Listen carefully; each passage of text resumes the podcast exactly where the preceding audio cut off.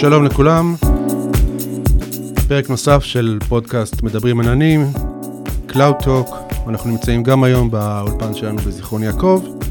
כאן באולפן נמצא אריאל מונפו, אהלן אריאל. אהלן, שלום. ואיתנו גם משה פרבר, אהלן משה. אהלן, בוקר טוב. משה מרכז את הסניף הישראלי של ה-Cloud Security Alliance CSA. על מה נדבר היום, משה? אה, אני מניח שנדבר על אבטחת מידע, בסביבות ענן גם מן הסתם. אוקיי, נושא שתמיד טוב לדעת עליו, תכף גם נשמע מה זה ה-CSA, ונתחיל בערוצים החברתיים שלנו. כן, אנחנו נמצאים באתר אינטרנט www.cloudtalk.coil, תמצאו אותנו גם בפייסבוק, יש לנו קבוצה ודף בפייסבוק בשם אה, מדברים עננים, CloudTalk.il, ואנחנו מצייצים לא מעט, אז תעקבו אחרינו. אוקיי, אז uh, משה, בוא, בוא נתחיל, תספר לנו, תציג את עצמך ותספר לנו על מה אנחנו מדברים. אז אהלן, בוקר טוב, אני קודם כל שמח מאוד שהזמנתם אותי, כיף להיות פה, תודה רבה עמי, תודה רבה אריאל, גם התרשמתי מאיך שאתה עכשיו עשית את האינטרו הזה, כמו שדרן רדיו מנוסה, דיבור למיקרופון, עיניים חצי עצומות. באמת נהיה פה אווירה מאוד מקצועית, אתם גם צריכים לראות איפה אנחנו יושבים, אולפן, מושקע, קרטוני ביצים על הקירות. אתה צריך לבוא יותר, למכור נכון, אותנו. אני אה, ממש מתרשם מהאופרציה ש, שרצה פה, אז כל מי ששומע אותנו, שתדעו שמאחורי מה שאתם שומעים, יש הרבה מאוד מחשבה, הפקה ו, אה, והשקעה של האנשים. תעריכו את זה. תודה, אני תודה. מאוד מעריך את זה, ותודה שהזמנתם אותי. אז כן, אז אני משה פרבר, אה, נמצא בעולם אבטחת המידע מזה כ-20 שנה. עשר שנים חייתי את עולם ה enterprise-ים, אה, הייתי בכל החברות ה semi-אמריקאיות, ישראליות, שחיות חצי פה, חצי כאן. עשיתי פרויקטים אה, טכנולוגיים מאוד בכל העולם, באמריקה מאוד טכנולוגי.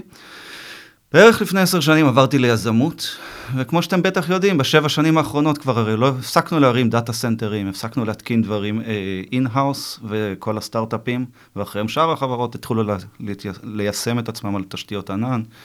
כבר הפסקנו בעצם אה, לעבוד ב-on premise, הפסקנו לקנות שרתים, להקים אה, את התשתיות, חדר, חדרים, עניינים, להתקין מערכות הפעלה, ועברנו לענן. שזה גרם לי להיות מאוד מסוקרן על העולם הזה, כי הבנתי שכמעט כל החלטה שאני עושה, אני לא מדבר על החלטות טכנולוגיות, שברור שהן מושפעות על ידי ענן, אבל החלטות עסקיות, שיווקיות, אה, ניהול תקציב, איך אני פונה ללקוחות שלי. הרבה מההשקעות האלה היו תלויות בענן הציבורי שישבתי עליו, שאלות של לקוחות, גם תמיד אני, תמיד הייתי בעסקי ה enterprise software, וה enterprise-ים שואלים שאלות שאתה מוכר להם דברים. והתחלתי לחפש מי יכול לעזור לי בהקשר של העולם הזה. אז א', הבנתי שהידע אז היה בחיתולים, וזה גרם לי להימשך יותר לעולם הזה, וחלק מהסיבות שאני פה.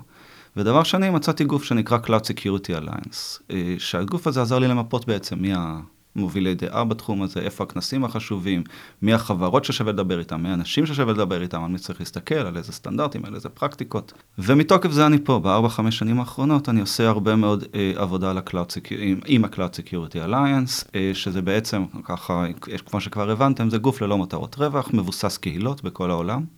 שמה שהוא עושה הוא מייצר סטנדרטים ו-best practices לנושא של Cloud Security.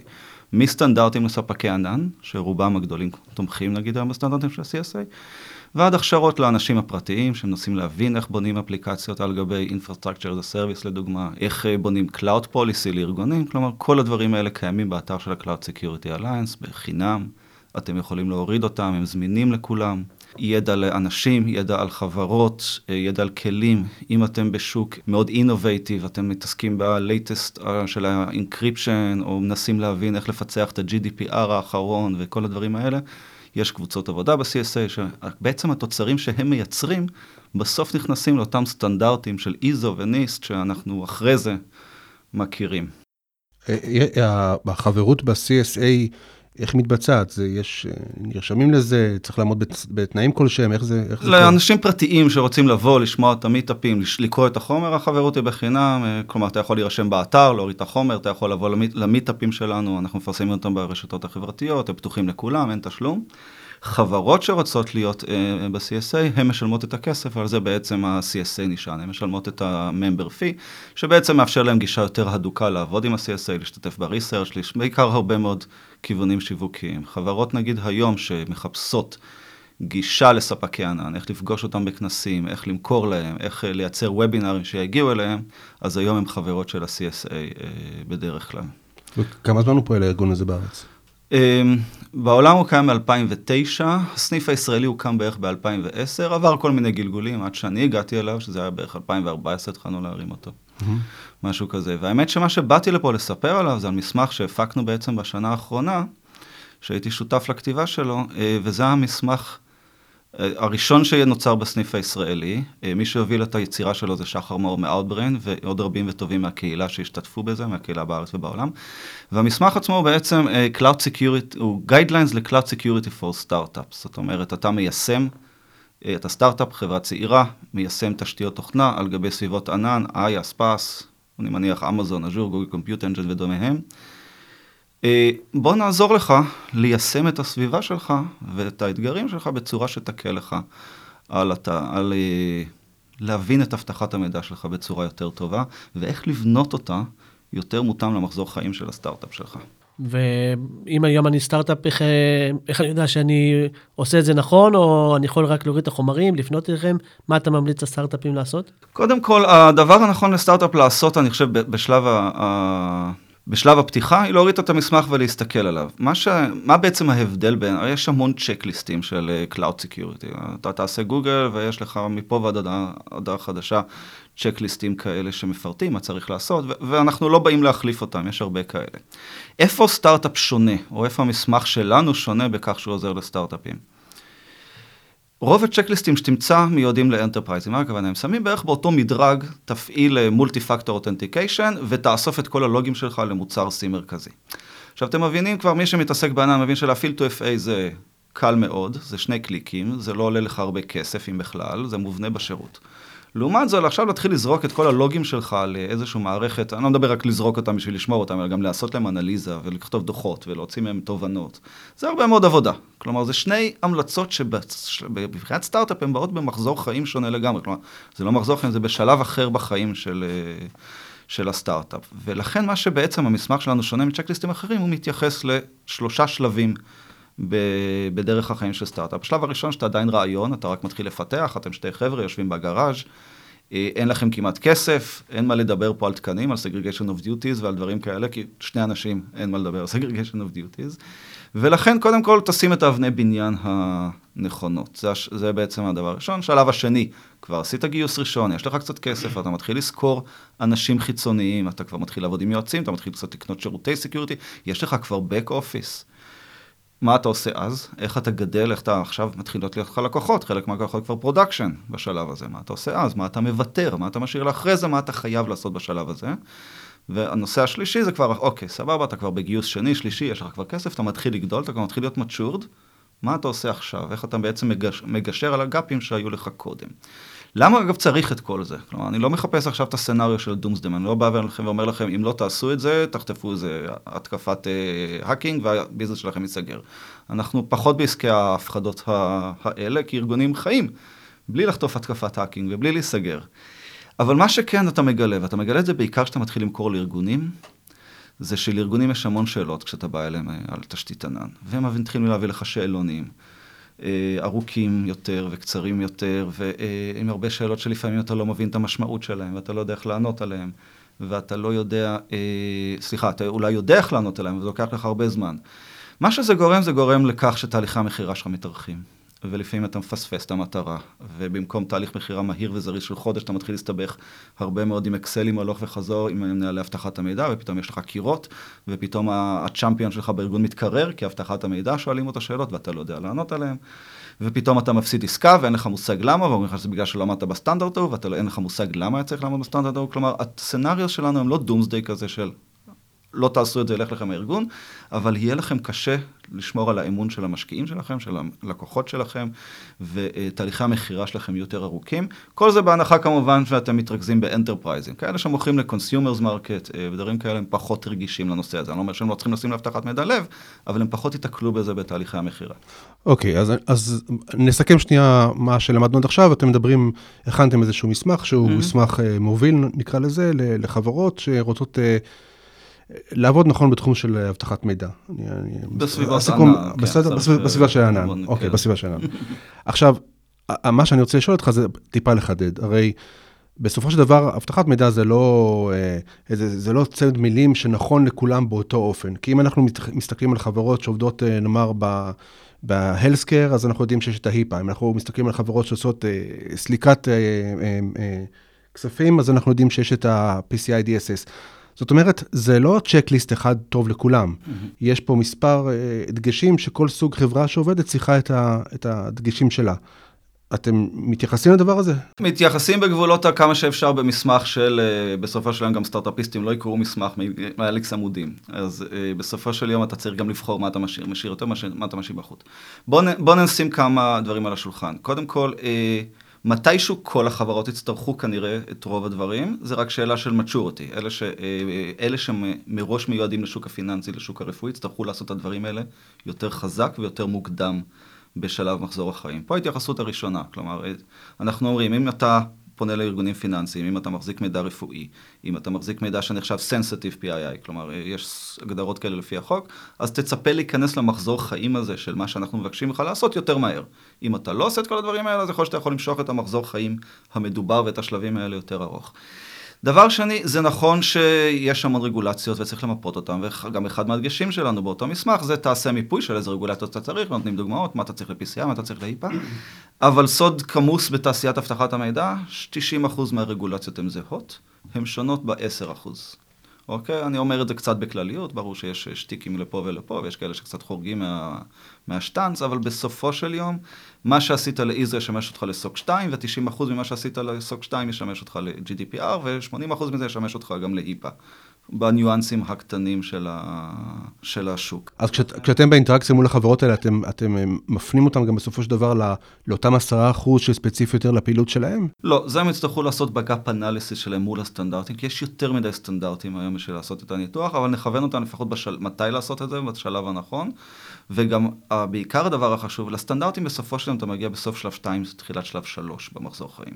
אנחנו, רוב המסמך שלנו מתכנס לכך שתבנה את שלב 1 שלך ואת שלב 2 שלך נכון, ככה שתגיע לשלב 3, ועכשיו אתה צריך ליישם ISO, לא תצטרך לחזור אחורה למנגנון האותנטיקציה שלך ולעשות שינויים שהם בבטן. Mm-hmm. כלומר, ה foundation שאנחנו שמים, טובים לך ל compliance בהמשך. בהמשך לזה, כמו שאמרת, עד, עד איפה אתם עושים drill down? נגיד, איך מקימים VPC ו, ואיך לעשות את זה נכון, או שזה בכלל לא בכיוון? אנחנו uh, משתדלים להיות uh, אגנוסטיק לספק ה-IAS שלך, uh, למרות שזה נורא קשה. ושאנחנו מנסים לתת דוגמאות לאיזה כלים להשתמש, אז ניסינו לתת דוגמא, דוגמאות מכל השלושה, למרות שעדיין היה מישהו, היה, כולם התלוננו עדיין שהם לא קיבלו מספיק אזכורים. אה, אנחנו נותנים דוגמאות, אנחנו אומרים למשל, תשתמש במערכת אה, שמירת מפתחות כמו אג'ור קיוולט או אמזון KMS. כלומר, אנחנו ננסה לתת את השם של הכלי, לא לרמת איך לעשות את זה, כי אה, לא נתחרה בדוקומנטציה של אמזון, ומשתדלים לתת את זה, לתת כמה דוגמאות מכמה ספקים שלא יגידו שזה מסמך אמזון סלש מסמך גוגל ודומיהם. אתה מייצג פה את החלק הישראלי של העניין, אז אני, ספציפית לשוק הזה, מעניין אותי לדעת אם החברות מאמצות את ההמלצות האלה, או מסתכלות עליהן בכלל, באמת, כמו שאתה אומר, כסטנדרט, שזה מה שאתם מנסים אה, לכוון אליו. כן, אז מה, מה שקורה דבר כזה, קודם כל, הסיבה שנכנסנו בכלל לסיפור הזה של לכתוב את המסמך, היה כי הרגשנו שיש knowledge gap, כלומר, הייתה דרישה בשוק לאיך עושים דברים, ולא היה מספיק מענה טוב. כלומר, אני מראש, יד... כשנכנסנו לכתוב את המסמך, ידענו שיש דרישה בשוק לידע טוב, לאיך עושים אבטחת מידע על ענן בשלבים, כלומר, לא מותאם עכשיו איזה enterprise שיכול בבת אחת לקנות אה, כלי SIEM ולעשות הרבה מאוד דברים, אלא לחברות שעושות את צעדם לאט, לאט ובזהירות. אה, לגבי, לגבי אימוץ, וספציפית בישראל, ישראל היא לא נראית כמו מדינה אחת. כלומר, יש פה שני סקטורים נורא שונים. אה, חברות תוכנה, שהן בדרך כלל state of the art פונות לחו"ל, משתמשות בטכנולוגיות הכי חדשות, נורא רצות קדימה. אה, מאמצות סטנדרטים של אבטחת מידע.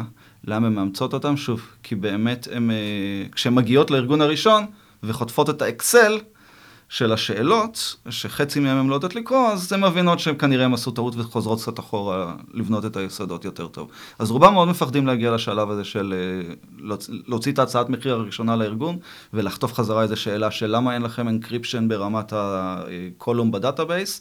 וכל העסקה הלכה. אז רובם שמים לב לזה, במיוחד בשלבים הראשונים שאנחנו רואים, אה, במיוחד בהקשר של compliance. כלומר, פחות מטריד אותם אה, יבוא האקר או לא יבוא האקר, אבל איך אני עובר את הלקוח מבחינת אבטחת מידע. זאת אומרת, זה מונע מלא פחד אה, שלא ברור אם הוא לגיטימי או לא לגיטימי, זה מונע מרצון לייעל את ה business ולהפוך את התהליכי מכירה ליותר שוטפים. וזה מגזר... זה ה... כוח בפני עצמו. סליחה? זה כוח מניע בפני עצמו. זה כוח מניע בפני עצמו, כן. ואחד מהדברים שאנחנו אומרים זה שב cloud, ה security יכול להיות differentiator ל marketing טוב. כלומר, אה, חברה שיודעת לתת אה, שירות שהוא זהה לשירות של חברה אחרת, אבל מבחינת security יודעת להציג פיצ'רים יותר טובים, והיא מיועדת ל enterprise, אז יש לה בהחלט marketing differentiator טוב בהקשר הזה. אנחנו באמת רואים שחברות מנסות לנצל את זה, עושות סטנדרט, מיישמות סטנדרטים מתקדמים כמו ISO איזה 0718, שזה ISO ל cloud privacy שהוא מאוד נדיר, ואנחנו רואים הרבה סטארט-אפים הולכים לזה, כלומר בערך השוק נראה ככה, מייקרוסופט, דרופבוקס, אמזון, ומלא סטארט-אפים, זה מי שאימצו את הסטנדרט הזה, כי הם מנסים למצוא את הדיפרנציאציה שלהם, וזה לגבי שוק התוכנה. אה, לצערי, בחוץ לארץ, השוק של הענן מובל בעיקר על ידי איזה סקטורים? הקמעונאות, התעשייה, התחבורה, סקטורים שפחות קיימים בישראל. ולכן מאוד קשה לדבר על מחשוב ענן בישראל שלא במגזר התוכנה. כי, כי המגזרים שבאמת חזקים פה, וזה מגזרי הבנקאות ומגזרי הממשלה, הם מגזרים שרגולטורית, הנושא של אימוץ ענן הוא יותר איטי אצלהם. אה, ערפל רגולטורי, לא ברור מותר, לא מותר, לא ברור מה אסור, אתה מכיר את זה היטב אריאל, בהרבה דיונים שהיו לנו, כן. מותר, לא מותר, אסור, כן. אני לא יודע מה צריך לעשות, אולי אני אעזוב את זה בכלל.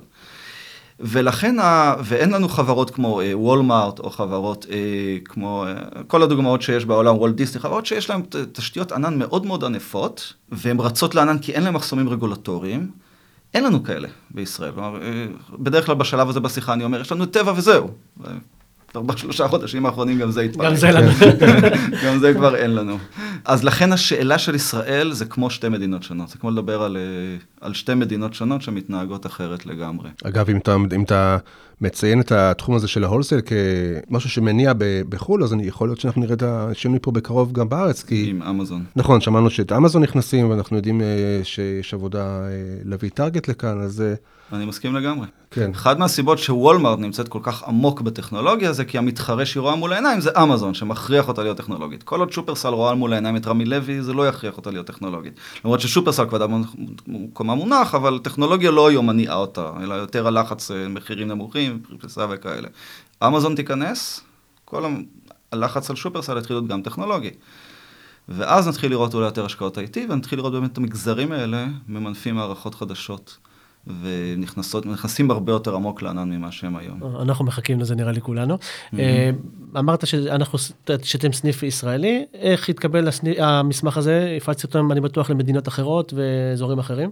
כן, אה, האמת היא ש, שמאוד מעניין לראות את הפריסה הגיאוגרפית של מי שבא להוריד את המסמך ולהתעניין בו. אה, קודם כל, המיזם הזה הוא אחד מהמיזמים הראשונים שבאים ברמת הצ'פטר. וישראל הפכה פה להיות ככה איזה מובילה עולמית בתחום הזה, זה מה שה-CSN נורא רצו לעשות, שמיזמים למחקרים יגיעו ברמת הצ'פטר, לא ברמת המטה, ואנחנו התלבשנו ככה על הרצון הזה, וזה עשה אכן הרבה אה, רעש, המסמך הזה זכה להרבה תעודה, אה, עושים מצגות שלו במגוון מקומות, והוא מאוד מעניין את הנושא. אה, מעניין לראות מי התגייס לעזור למסמך, כלומר הקהילות היו מאוד מאוד ספציפיות, קהילת הפינטק בלונדון, ואנשים שיוצאים מסביב לנו, נורא דיבר עליהם הסטארט-אפ, אוסף של הודים באזור בומביי פונה, שגם תומכים בסטארט-אפים כאלה, וחבר'ה מסיליקון וואלי, כלומר נורא, היה נורא מסביב ל communities של הסטארט-אפים שאנחנו מכירים אה, בעולם. פתאום אני רואה אה, אנשים אה, זזים מהצד הזה. זאת אומרת שבאמת מתחיל להיווצר איזשהו סקטור כזה, שעד היום אנחנו לא מתייחסים אליו כסקטור אמיתי, כלומר לא מתייחסים לגוש התוכנה כאל חברות תוכנה.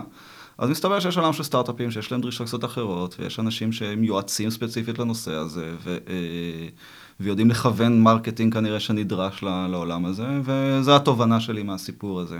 פתחת ואמרת שה-CSA mm-hmm. אה, מכוון לסטנדרטים של אבטחת מידע בענן. הרי אנחנו יודעים שרוב הספקיות הגדולות באות, מביאות איתן כבר אה, תועלות, בין היתר זה העמידה שלהם בתנאים האלה. אנחנו יודעים ש...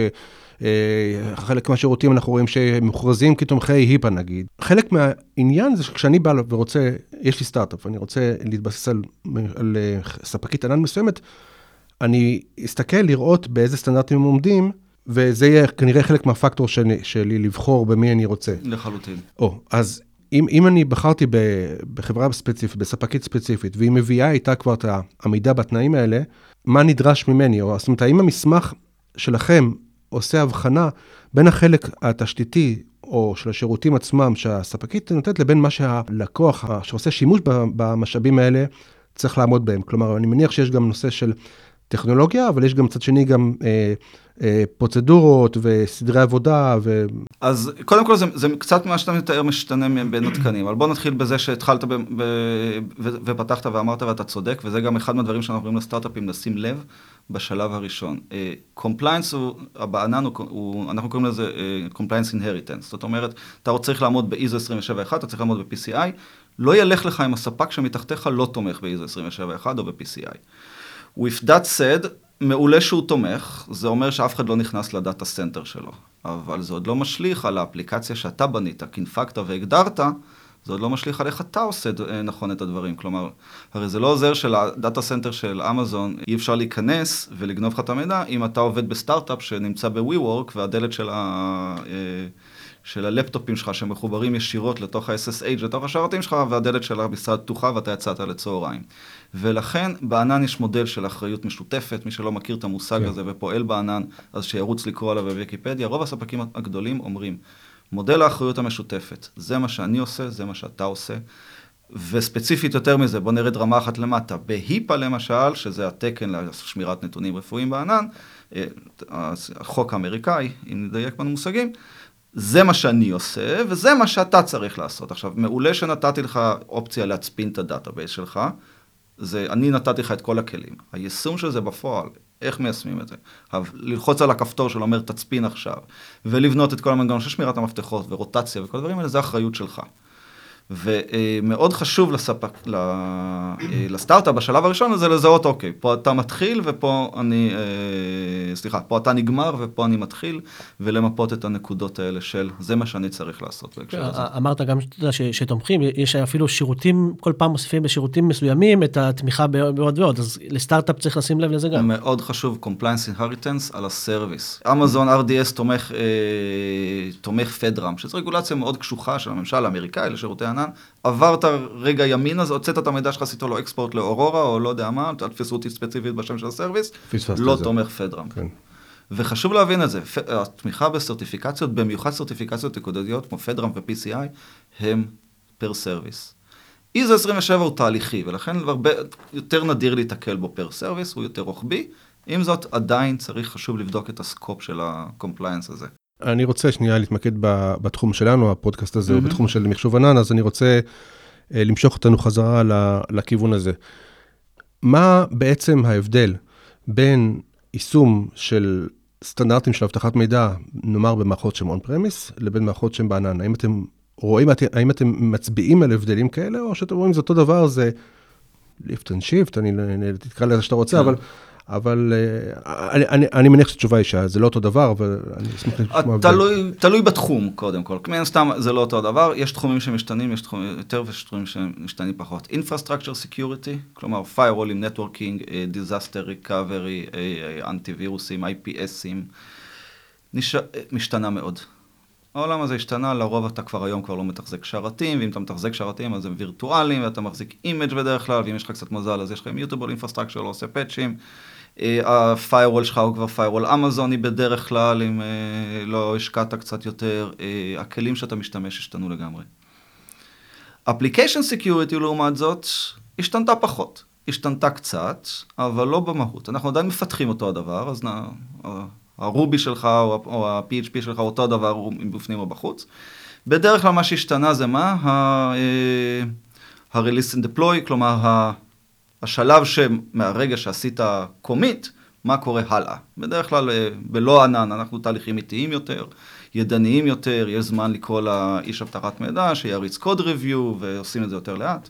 מה השתנה בעולם של הענן? אתה לוחץ commit, אתה רוצה שהוא כבר אה, continuous integration ו-continuous deployment, אתה רוצה שהוא כבר יגיע ל production. כן, אבל יש שכבה נוספת, וזה שכבת האוטומציה. שכבה שאנחנו לא רואים במקומות אחרים. זאת אומרת, הפנייה של שרתים, של שירותים ל-API של ספקית הענן, הוא בפני עצמו עניין. לחלוטין. ו- ובדיוק סגרת לי את הפינה, זאת אומרת, מה שהשתנה הרבה ב application security זה לא איך אנחנו מפתחים, אלא אוטומציה של הדברים.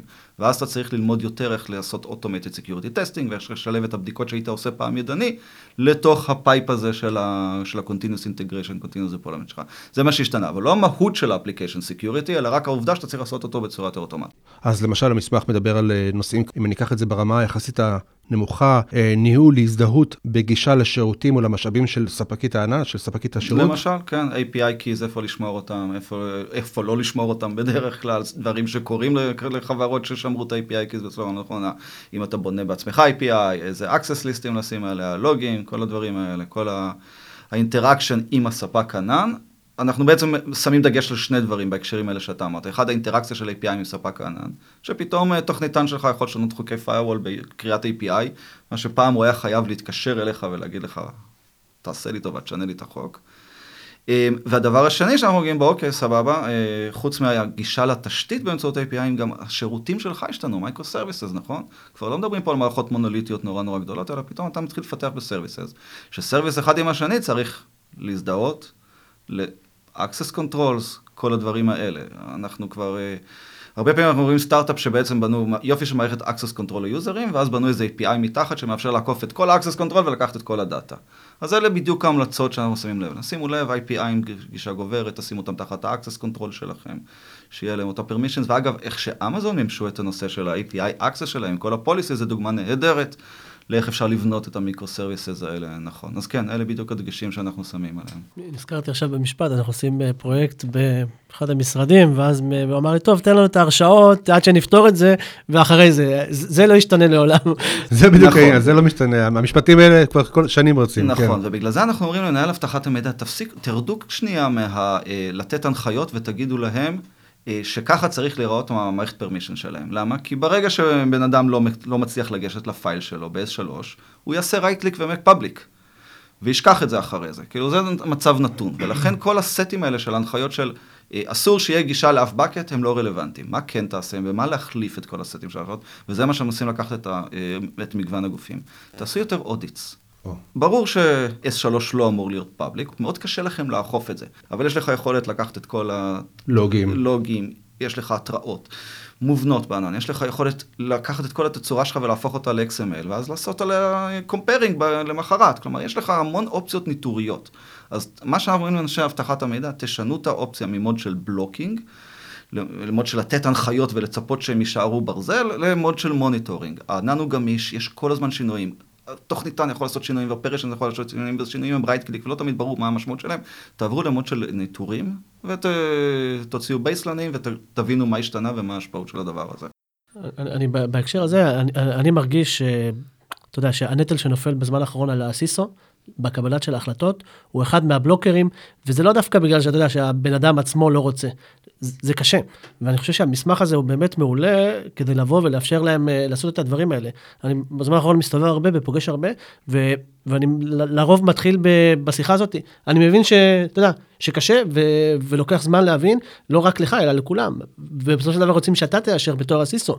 אז... Uh, אז לדעתי פה יש כן איזה משהו שיכול לעזור להרבה מאוד ארגונים אה, לצאת קדימה לענן. אגב, שאלה אליך, אריאל, איך זה, איך זה קורה בממשלה? יש, יש אה, התייחסות ל, ל, למסמך הספציפי הזה? האמת שאני יודע שמשה הוא יועץ בצורה כזו או אחרת, אז אני אתן לו אחרי זה לדבר. אה, כן, אני רק אסיים את כן. שלי, הקטע שלי במשרדים זה תלוי מי מוביל את התחום הזה. ומי רוצה, אתה יודע, לצאת לענן, וכל משרד לרוב זה, זה נפרד. שבוע שעבר אירחנו את, את יותם ארז, אה, דיברנו קצת על הדברים האלה, ואני אגיד לך את האמת, מה, מהמשרד שלי, אני נאלצתי לעשות הכל. זה ללכת לרדוף אחרי הידע ולבוא ולעזור לסיסו ולהסביר לו למה, וביחד, אתה יודע, לעשות סוג של education לדברים האלה. ואני לא יודע עוד כמה כמוני יש בממשלה, אבל אה, אני חושב שגם בחברות אה, פרטיות, כמו שאמרתי לפני זה, הסיסו הוא נמצא לפעמים בבעיה, וצריך לעזור לו אה, להוביל את הארגון בצורה נכונה, כי, כי לא כולם גם, אתה יודע, יכולים ללמוד כל כך מהר עם כל הדברים ש, שקורים בחוץ. ספציפית בממשלה, אה, יש לממשלה Cloud Policy מאוד מסודר. אה, יש בתהליכים, אני חושב בימים אלה, אה, יש גם אה, רשימה לבנה של ספקי ענן שאמורה להיות מאושרת, שיכולים לתת שירותים לממשלה. ולא מספיק שנותנים שירותים, גם כל משרד ממשלתי צריך לעמוד באיזשהו פוליסי ולעבור ועדה. אה, בשביל לצאת לענן, ומן הסתם המסמך הזה ספציפית לא נמצא שם, כי הוא פחות מדבר, בוא נגיד, לא בתצורה הזאת של השלבים, פחות מדברים לממשלה, אבל כן, בוא נגיד, אה, בסופו של יום, כמו שאמרנו ש-90% מהרגולציות זהות, גם 90% ממסמכי ה-Best Practices, ובסופו של יום מי שכתב את, את המסמכים האלו האלה, זה בסופו של יום אותם אנשים, ולכן גם התשתית היא מאוד דומה. אני יכול להגיד שיש בממשלה מאוד, סקרנות מאוד גדולה להקשר הזה. אוקיי, אנחנו אה, מתקרבים קצת אה, ככה לסיום של הפרק הזה בפודקאסט כאן, אה, ואני רוצה לשאול אותך שאלה אחרונה, כשדיברנו על דיפרנציאציה בין ה-on-premise לבין ה-cloud, דיברנו על נושאים שונים, דיברנו על, על מה מייחד את השירותים שנמצאים ב cloud, דיברנו על נושא של, של serverless, שירותים כאלה, דיברנו על micro-services, דברים שאנחנו לא רואים ב-on-premise, דיברנו גם על הנושא של ה-API. מה שלא נגענו בו זה הנושא של ה multi-cloud. זאת אומרת, האם ה... יש התייחסות לנושא הזה? כי אנחנו יודעים שזאת אה, גישה שהולכת ורווחת אצל, ה... אצל הלקוחות, לעבוד ב multi cloud, והדבר הזה מביא איתו אה, עניין בפני עצמו, זאת אומרת, הקישור שבין, כשאתה לוקח אפליקציה שמתרחבת על פני מספר אה, ספקים, אז כבר יש גם עניין של אבטחת מידע, שגם הוא צריך לקבל תשומת לב. אני חייב להגיד לך שכשמתחילים לדבר איתי על multi cloud, אני ישר אה, מנסה לכוון את הדובר להבין האם אתה מדבר על multi cloud לסביבות Software as a Service, ושם האתגר של מנהל אבטחת מידע זה איך לעשות שכבה אחידה של identity, שכבה אחידה של encryption ושכבה אחידה של monitoring. וזה משהו שהוא נדרש די מהר, וזה גם מה שנותן לו Cloud Access Security Brokers, ויחסית השוק הזה mature אבל מתבשל אה, לאיטו, וגם עליו בעולם אבטחת המידע שמדברים על multi cloud, מדברים בעיקר על Software as a Service. אבטחת המידע אגב תמיד רץ שנתיים אחרי system אה, ודומיהם. כן, למה לא יודע, אנשים לוקח להם יותר זמן. כי דברים מתגמשים תוך כדי, כתוצר של השירותים. כן, בדיוק, כי best practices, קודם אתה צריך להבין את השירות, מה הוא עושה, ואז לייצר לו best practices של security, גם בגלל שרוב מי שרץ קדימה, בדרך כלל זה חברות צעירות, שפחות אה, אנשי אבטחת מידע, ואז מגיעות כאלה giant ים עם המסורבלים עם אבטחת המידע. אבטחת מידע תמיד מרגישה את השוק הזה שנתיים אחרי אה, כולם. זאת אומרת שהיום מדברים על multi cloud בעולם של, אה, של אבטחת מידע, בדרך כלל מדברים על software as service, יש שלוש שכבות מאוד ברורות שצריך לעשות רוחבית לכלל השירותים. אנחנו מתחילים להבין את המשמעויות של multi cloud בעולם של, אה, של infrastructure platform as a service. וקודם כל, הוא קצת סותר את הרגשת בטן הראשונה שהייתה לנו, שאמרנו ל enterprise ים, תתרכזו על ספק ענן אחד. אה, למה? כי הפלטפורמות האלה מסובכות ומורכבות, וקשה להבין אותן, וקל לעשות בהן טעויות. ורוב הפריצות שיהיו לכם זה כתוצאה מ-right click make public בטעות שמישהו עשה. ואם אתם מתפשטים לשתי ספקי ענן, אז יש לכם פעמיים את הסיכוי לעשות את הטעות הזו. אני קצת משווה את זה הרבה פעמים ל... בסוף שנות ה-90, כשהיינו בונים firewallים, אז היינו שמים uh, firewall של סיסקו ואחוריו firewall של צ'ק פוינט. למה? כי אמרנו, אם יפרוץ את הראשון, אז uh, לא יפרוץ את השני. ואז עם הזמן הבנו שאנחנו פשוט uh, צריכים, גם בן אדם שיודע סיסקו, גם בן אדם שיודע צ'ק פוינט, ומקרה שאין לנו לא את זה ולא את זה, אז אנחנו רק עושים יותר טעויות. ורק מסבכים את עצמנו וירדנו ל-firewall אחד, אבל לפחות שאנחנו מכירים טוב. אז גם פה ב-infrastructure service, platform service, הרגשה הייתה, תתמקדו באחד, אל תשתוללו. עם זאת, uh, יש יתרונות לספריישן, וצריך לבחון אותם בזהירות כנגד החסרונות של מה שאמרתי. בסופו של יום, אני שם שנייה את הקטע של availability הקלאסי בצד. כלומר, ברור למה Waze או וואטסאפ חייבים לשבת על שתי ספקי ענן. מבחינת אבטחת מידע, אתה יושב על שתי ספקי ענן גם כי, אה, בשביל לחסול, לפסול את הסיבה שמשהו יקרה לך ברמת ה account. אה, לא רק ברמת התשתיות, כאילו, אלא שלא יודע מה, אמזון תחליט לסגור אותך כי היא קיבלה הוראה למשל בצו משפט ממשלת ארה"ב, או לתת את המידע שלך, ואז לפרוס על שתיים מקטין את הסיכון הזה, ולכן אנחנו רואים separation ברמת account שמאוד מדבר אלינו. עם זאת, ארגון תמיד צריך לעשות את ה trade off, עם מה שאמרתי קודם, זה double. אה, ידע, double סיכוי לטעויות. double בניית צוותים שיודעים שזה שניים, שלושה. בדיוק, כלומר, יש לך פה מרווח שהוא נורא בעייתי. אני לא רואה יותר מדי חברות רצות לשם, אלא אם כן הן מאוד קנאיות ל availability שלהם. כן, אבל יש, יש, יש פתרונות שהם חוצים אה, פלטפורמות. אה, אנחנו יודעים ש Fortinet עובדים אה, גם באמזון וגם אצל מיקרוסופט, אנחנו יודעים ש Sophos, או דברים כאלה. ודברים כאלה, נכון. כן, אני, אני מסכים, ועם זאת, כל עוד הפתרונות האלה הם לא, הם סוגרים לך נגיד רק בין 40 ל-60 אחוז מהקונפיגורציה שלך, ועדיין הרבה מהקונפיגורציה שלך היא ברמת ספק הענן, עדיין כל האיומים שאמרתי קודם הם קיימים. אני חושב שאנחנו צריכים אה, עוד אה, לפחות סשן אחד עם אה, משה, היה מאוד מעניין. כן. היברידיות, יש לנו עוד כל מיני נושאים. יש עוד נושאים שאפשר לגעת בהם, כן, כן, כן, נכון. מעניין מאוד. אוקיי, משה, תודה רבה שבאת ודיברת איתנו. אתה נשאר איתנו, לא לברוח. אנחנו עוברים לעניין החדשות. הזכרת את הקמעונאים ואת הגופים הגדולים שמובילים את הענן בחו"ל, אז השבוע היה משהו מעניין, Diane Greene, היא ה-CEO של Google Cloud. אז היא הצהירה בריש גלי שגוגל, בניגוד לאמזון, הם אה, חברים של הלקוחות שלהם. אוקיי? זה איזה רמיזה, מה זה אומר? אהבה מאוד, שלמשל היום וולמארט בחיים לא תשב על האמזון, ואמזון מתפשטת לעוד כל מיני אזורים. אז ככה היה איזה רמיזה מאוד יפה ומעניינת. אה, המלחמה רק הולכת ו... ו... וגדלת, אז אה, זה משהו מעניין, שכמובן החברות הגדולות אה, נותנות לזה את הדעת. לא, הזכרת את רמי לוי, שופרסל וכולי. כן, כן, כן, אני מסכים. מה... גם עלה הנושא ממש לדיון באחת מקבוצות הפייסבוק האחרונות, שאנשים אומרים, אנחנו עולים לענן של קמעונאיות. קמעונאיות, ואומרות לנו, לא, סליחה, אנחנו מנסים לעלות לענן כן. קמעונאיות, ואומרות לנו, רק לא על אמזון, לא מוכנה שהמידע שלי יושב שם. כן, אני חושב שאתה מתייחס בטח למה שטארגט לקחו את העסקים שלהם ועזבו את אמזון. כן, כן וגם וולמרט עשו את זה, ולא יודע, מישהו כתב אחד מהפייסבוקים שהוא מוכר להוצאת ספרים בארצות הברית, לא מוכנה שהמידע שלה יושב על אמזון. כלומר, זה מגיע גם ליותר קטנות, לא רק לוולמרט וטארגט שיודעות לעשות שרירים. כן, אז אני, עוד איזה משהו סתם מעניין שראיתי, שאמזון השיקה תוסף לאתרי וורדפרס. שמאפשר למשתמשים אה, בוורדפרס לפרסם תוכן ולהפוך אותו לשמיעה, שיהיה, כן, שיהיה זמין. לסאונד, כן. לסאונד, כן. כן, אבל זה לא עובד בעברית. זהו, כן. האמת, אני, יש לי איזה תרגיל שאני עושה ביחד עם איתן סלע, שאנחנו רוצים אולי לבוא ולהנגיש את המידע שלנו ב, בעברית, אז אני מקווה שבקרוב אה, נוכל לשמוע גם אה, את הכתבות שלנו בקול. תצפו לזה. טוב, כמה נושאים שאני רוצה לדבר עליהם. ראשית, אמזון הכריזו על ה-instance scheduler שלהם שירות. זה כמו שהשם שלו מצביע, זה אה, שירות שיודע לכבות את ה instance ים כשאנחנו לא עושים בהם שימוש, אבל הם לא לגמרי מוותרים על, על האובדן של הרווח בכך שאנחנו uh, סוגרים את ה instance ים, כי ה instance scheduler הזה הוא בעצם template של Cloud Formation, והוא מתבסס על Lambda ועל CloudWatch ועל DynamoDB. כך שלהפעיל אותו גם עולה כסף בפני עצמו, וזה גם לא כל כך פשוט אה, ללכת ולפרוס את זה, למרות שזה template של Cloud Formation. אנשים גם נורא מחבבים את הסקריפטים שהם בנו בעצמם לבד, ולא יעזבו אותם כל כך מהר. כן. אה, בטח ב scale גדול, אז אה, אולי זה משהו שכן משתלם. יכול להיות, וגם יש, ככל שאני יודע, יש חברה שאני לא זוכר את שמה, אני נזכר בזה כרגע, זה השירות שלהם, השירות שלהם הוא לדעת לקחת שרתים ולכבות אותם כשלא עושים, כשלא צריך.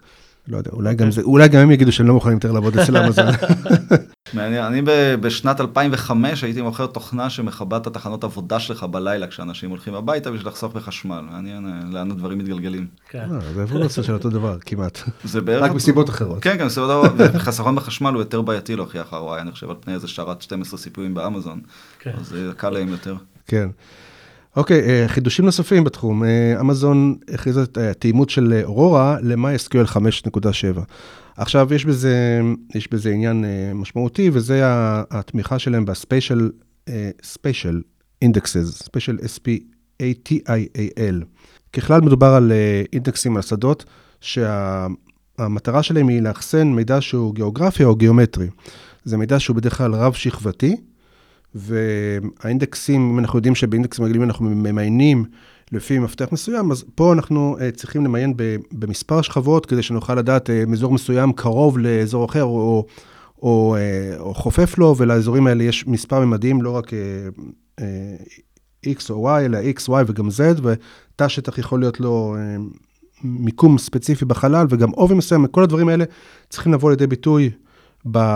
ב database, כשאנחנו שומעים את הדבר הזה, אז השדות שהם data type שלהם הוא spatial, עכשיו יש עליהם גם אינדקס, וזה חידוש משמעותי uh, מאוד. אני כל פעם שבזמן אנחנו אומרים, אומרים אורורה, אני מחכה שיאשרו אותי ל Aurora Serverless.